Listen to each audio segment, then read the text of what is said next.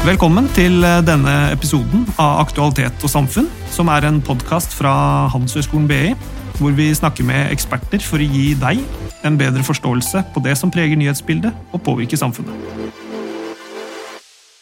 Mitt navn er Mari, og temaet for dagens episode er motivasjon. Med meg i studio har jeg Bård Kuvås, som er en av Norges fremste forskere på motivasjon. I tillegg til å være en populær foreleser her på BI, så er han også en kjent formidler av forskning innen både ledelse og motivasjon, enten det er gjennom fagbøker, foredrag eller kronikker i media. Velkommen hit, Bård. Tusen hjertelig takk. Du har jo forska eh, på både indre, ytre og prososial motivasjon. Kan ikke du starte med å fortelle litt eh, hva som egentlig er forskjellen mellom de her tre motivasjonstypene? Det kan jeg gjøre. Uh, indre motivasjon handler om at vi uh, Drivkraften når vi utfører en oppgave, er det å utføre oppgaven i seg selv.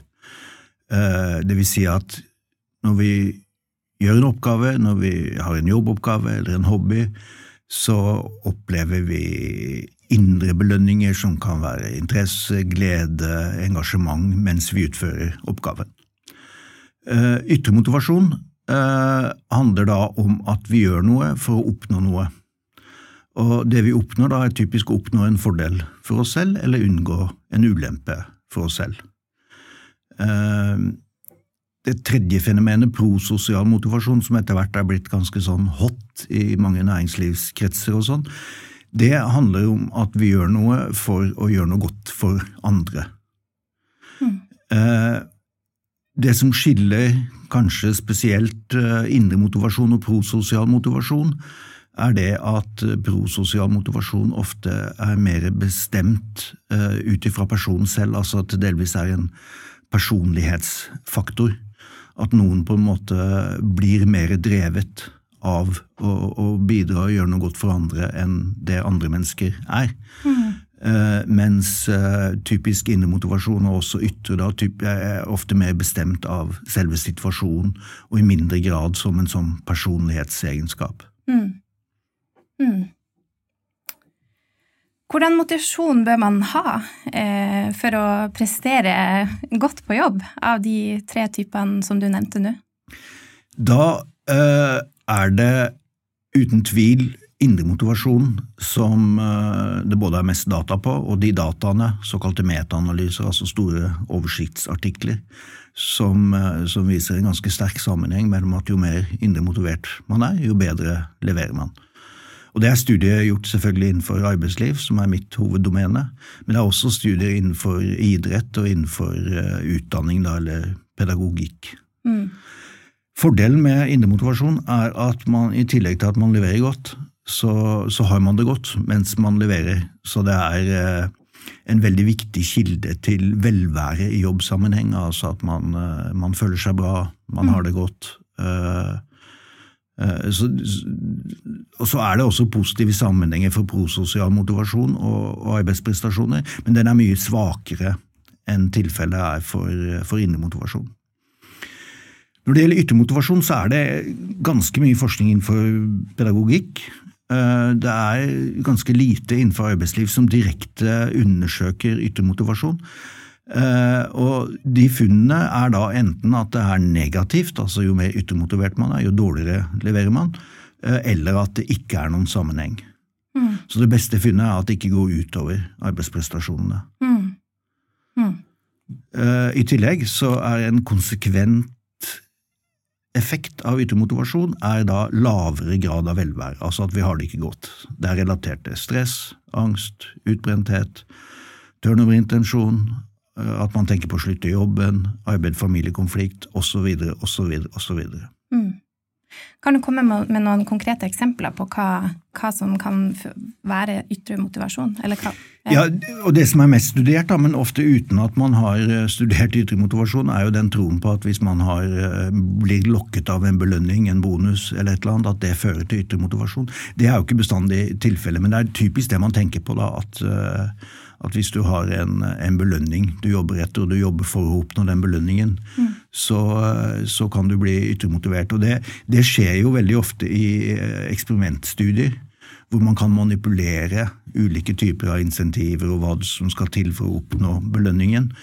Eh, I arbeidslivet så tror jeg nok, eh, også de dataene vi har, så er det nok mye svakere sammenheng mellom de typiske bonussystemene som er i de fleste organisasjoner, og ganske svak sammenheng i hvilken grad de faktisk da gir noen ytre motivasjon i det hele tatt. Mm. Fordi det er så vanskelig å vite hva du skal gjøre for å oppnå bonusen osv., slik at de på en måte ikke har noen mm. effekt.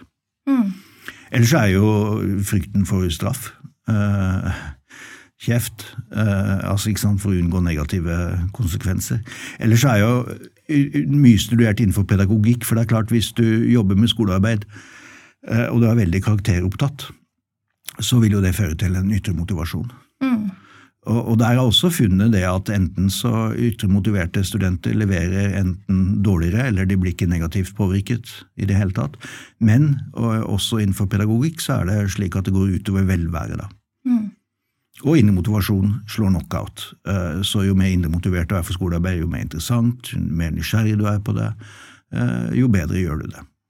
Men hvis vi kan gå litt over til det med arbeidsgiversida, eh, er det noe arbeidsgivere kan gjøre for å motivere sine ansatte til å yte sitt beste? Det er det, men før jeg svarer på det, så har jeg lyst til å, som, å påpeke en ganske viktig observasjon. Da. Det, for så vidt etablert i en studie fra 2001, som både består av eksperimenter som viser at uh, vi som mennesker har det vi kaller en kognitiv skjevhet, eller en kognitiv feilkilde, ved det at vi tror at andre trenger på en måte et ytre stimuli uh, for å gjøre en god jobb, mens vi selv derimot uh, kjenner på det at når vi leverer et virkelig godt stykke arbeid, så kjenner vi på indre motivasjon i den forstand at vi glemmer tid og sted, vi blir oppslukt av oppgavene osv. osv. Um, og når jeg er ute og holder foredrag, og for så vidt når jeg underviser executive MBA-studenter, andre studenter på etter- og videreutdanning, master science, uh, you name it, så finner jeg konsekvent at mellom åtte og ni av ti tror at det beste for å få gode prestasjoner er å kombinere høye nivåer av både ytre og indre motivasjon. Mm. Uh, og det er jo da positivt feil. Mm. Så eh, jeg var nylig og holdt foredrag for nærmere 500 sykepleiere som også var eh, ledere. Det var en lederkonferanse for sykepleiere. Og Der var det sånn at ni av ti mente at det beste for å få gode prestasjoner blant sine ansatte var å kombinere både ytre og indre motivasjon. Mm. Eh, jeg har data fra en norsk, stor norsk forskningsorganisasjon med nesten 500 stykker i salen. Der er det åtte av ti som mener at det er best å kombinere ytre og indre motivasjon. Så både den største drivkraften min eh, for å drive med formidling, og for så vidt forskning eh, også, eh, er jo da at det er så utrolig vanlig å ha en En ting er på en måte en, en misforståelse av disse motivasjonstypene, men når den går så i gal retning, og det er så mange som mm. misforstår dette, mm. så så vil jeg si at det første ledere kan gjøre, er jo da å, å lese seg opp, eller mm. bestille et foredrag med meg, eller ta et mm. kurs på BI. Mm. Eh, så, så, kunnskap er på en måte nummer én. At man virkelig forstår det, at ytre motivasjon er en, eh, en lite bærekraftig motivasjonsfaktor. Både med tanke på resultatet, men også med tanke på det med lav grad av velvære, altså stress, angst, utbrenthet osv. Ehm, når du går mer helt konkret inn på hva som skaper, hva som legger til rette for innemotivasjon, så er den aller, aller viktigste faktoren det vi kaller jobbautonomi, eller selvbestemmelse i jobben. Altså at vi opplever at vi kan utøve skjønn, vi kan bruke vår kompetanse, vår nærhet til kunde, vår nærhet til produktutvikling osv. osv. Eh, på, på en skulle si, så fri måte som mulig. Når jeg holder foredrag om dette, så pleier jeg å si at autonomi, litt enkelt sagt, litt folkelig sagt, er at man opplever å ha herredømme over egen atferd på jobben. Mm. Uh, og da er det jo mange som skvetter jo, men herregud, skal medarbeiderne få lov å gjøre hva de vil? Mm. Uh, og litt kvalifisert, men dog, så mener jeg svaret er ja. Uh, fordi de aller fleste medarbeidere som har tilstrekkelig kompetanse, enten i form av utdannelse, praktisk erfaring eller trening og utviklingsaktiviteter i jobbsammenheng, eh, vil jo ha kunnskap om hva som er viktig å gjøre, og hva som er viktig å unngå. Mm. Eh, og stort sett så har jeg til gode å treffe noe særlig mange ledere eller medarbeidere som sier at de har det bedre med seg selv etter at de selv opplever å ha gjort en dårlig jobb. Mm. Mm. Så de aller fleste vil forsøke å gjøre så godt de kan. Og hvis de mm. da i tillegg har kompetanse, mm. så kan vi stole på at motivasjonen er på plass, altså at folk ønsker å gjøre så godt de kan. Mm. Og så handler det da om å sørge for at kompetansebiten er, er, dekket, og det gjør vi gjennom rekruttering og trening og opplæring. Og medarbeideren føler jo sikkert eh, en del tillit også fra, fra lederen. Ja, og, og autonomi og, og, tillit er på en måte fetter og kusiner, skulle jeg si. Mm. Eh, fordi en konsekvens av å ha tillit til noens kompetanse og motivasjon til å gjøre så godt de kan, er at de får eh, større grad av herredømmefrihet over egen jobbsituasjon. Mm.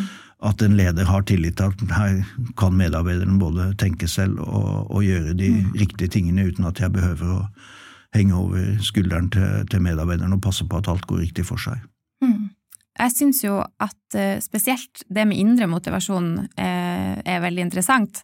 Uh, så en ting jeg lurer på er, siden det er en såpass drivende faktor, da, kan indre motivasjon kompensere for intelligens? Nå er det ikke gjort spesifikt på indre motivasjon, men det er gjort en oppsummeringsstudie av, av eksperimentstudier som viser at motivasjon er like viktig som intelligens for arbeidsprestasjoner. Mm. Um, og det interessante, og, og, den viser også at man kan kompensere. Så hvis man er relativt mindre uh, intelligent, så kan man da kompensere med høy grad av motivasjon. Mm. Som igjen da manifesterer seg i høy grad av innsats og, og utholdenhet. Mm. Um, det interessante ved det fenomenet er jo at uh, man kan ikke gjøre så mye med intelligensen. Men motivasjon er jo absolutt noe man kan gjøre noe med, mm. Eh, og spesifikt da den, den indre motivasjonen. Mm. Nå, nå, kan man jo bli bedre, uh, få bedre score på en intelligenstest ved å ta flere tester og trene på mm. testene, men uh, det er jo ikke meningen. Man mm. blir ikke smartere, men man kan bli flinkere til å få bedre score. Mm. Det er veldig interessant at du sier det, og det beviser jo egentlig bare hvor viktig indre motivasjon faktisk er for prestasjoner. Ehm, men en annen ting jeg også lurer på, er hvordan arbeidsmiljøet påvirker motivasjon? Når det gjelder det med de nære tingene, det vi kaller jobbutforming eller jobbdesign, eh, så er jo autonomi en av de viktigste faktorene. Eh, den andre hovedkilden til, eh, til indre motivasjon er det vi kaller opplevelsen av tilhørighet. Kan godt erstattes med det populære begrepet psykologisk trygghet.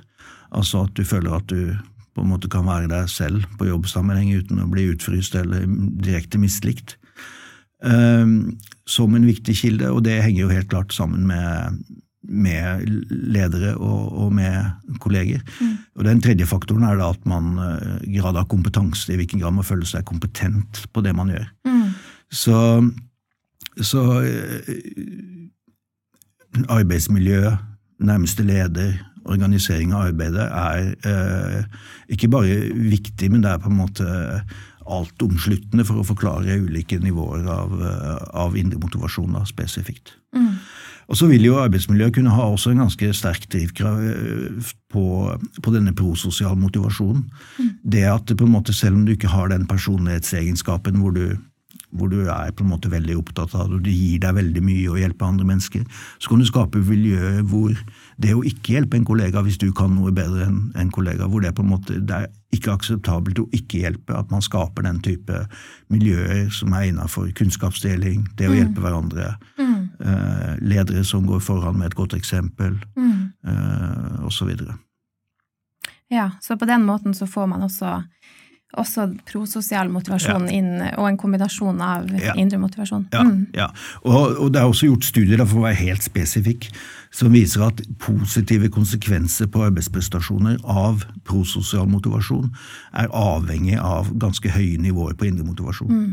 Så, så den samspillseffekten med høy grad av prososial og høy grad av indre mm. er jo da det som gir de beste arbeidsprestasjonene. Pluss mm. at folk har det bedre mens de leverer godt.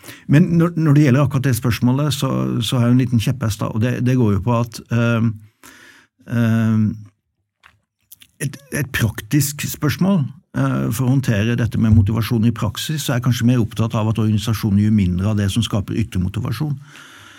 Eh, og da er ikke belønningssystemet det første jeg tenker på, da er det kontroll- og styringssystemer, mm. rapporteringssystemer, måling av antall møter, antall telefonsamtaler. Mm. Så at man heller burde kunne være dyktig på å gjøre mindre av det som skaper en ytre motivasjon, som også reduserer den indre motivasjonen. Mm. Har du noen eksempler på hvordan man kan gjøre det? Hjelp. Eh, jeg har Store deler av offentlig sektor eh, er jo veldig mye preget av tett målstyring, tett oppfylling av mål, stor grad av rapportering av hva man gjør på jobb. Helsevesenet, politiet har jo vært verstinger. Altså hvor man da istedenfor å ha målsetninger eh, som fanger opp samfunnsoppdraget.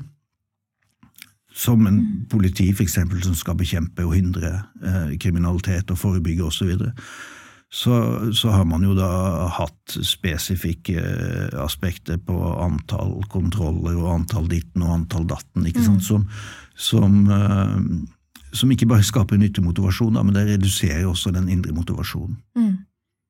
For jo mer ytre motivasjon, jo mindre indre motivasjon. Ja, det, de viser seg, og det, eh, og det er det vår, egne, vår, egen forskning eh, viser da negative sammenhenger. De er ikke voldsomt sterke, men de er det vi kaller statistisk signifikante, som betyr at det er systematiske mønstre som viser at jo mer av den ene, jo mindre av den andre. Mm.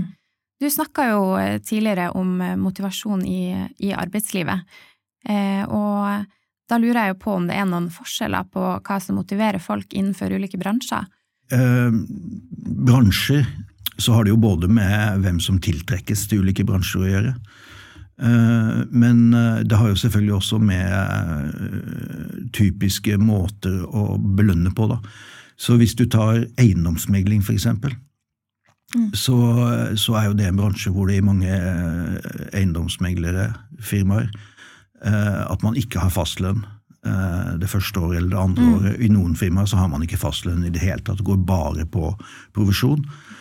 Um, og Jeg har jo hørt om eksempler på folk som jobber i nattevakt som innenfor helse for å ha råd til å være eiendomsmegler. Yes. Uh, og det er klart, da, da, da, du, da, er det den ytre motivasjonen som, mm. som, driver deg. Mm. Og Noe av utfordringen er at det er jo ikke bærekraftig. Mm. Så folk blir utslitte og utkjørte, ikke sant. Mm. Eh, hvis man ikke klarer å oppnå det som skal til for å betale regninger eller ha tak over mm. hodet.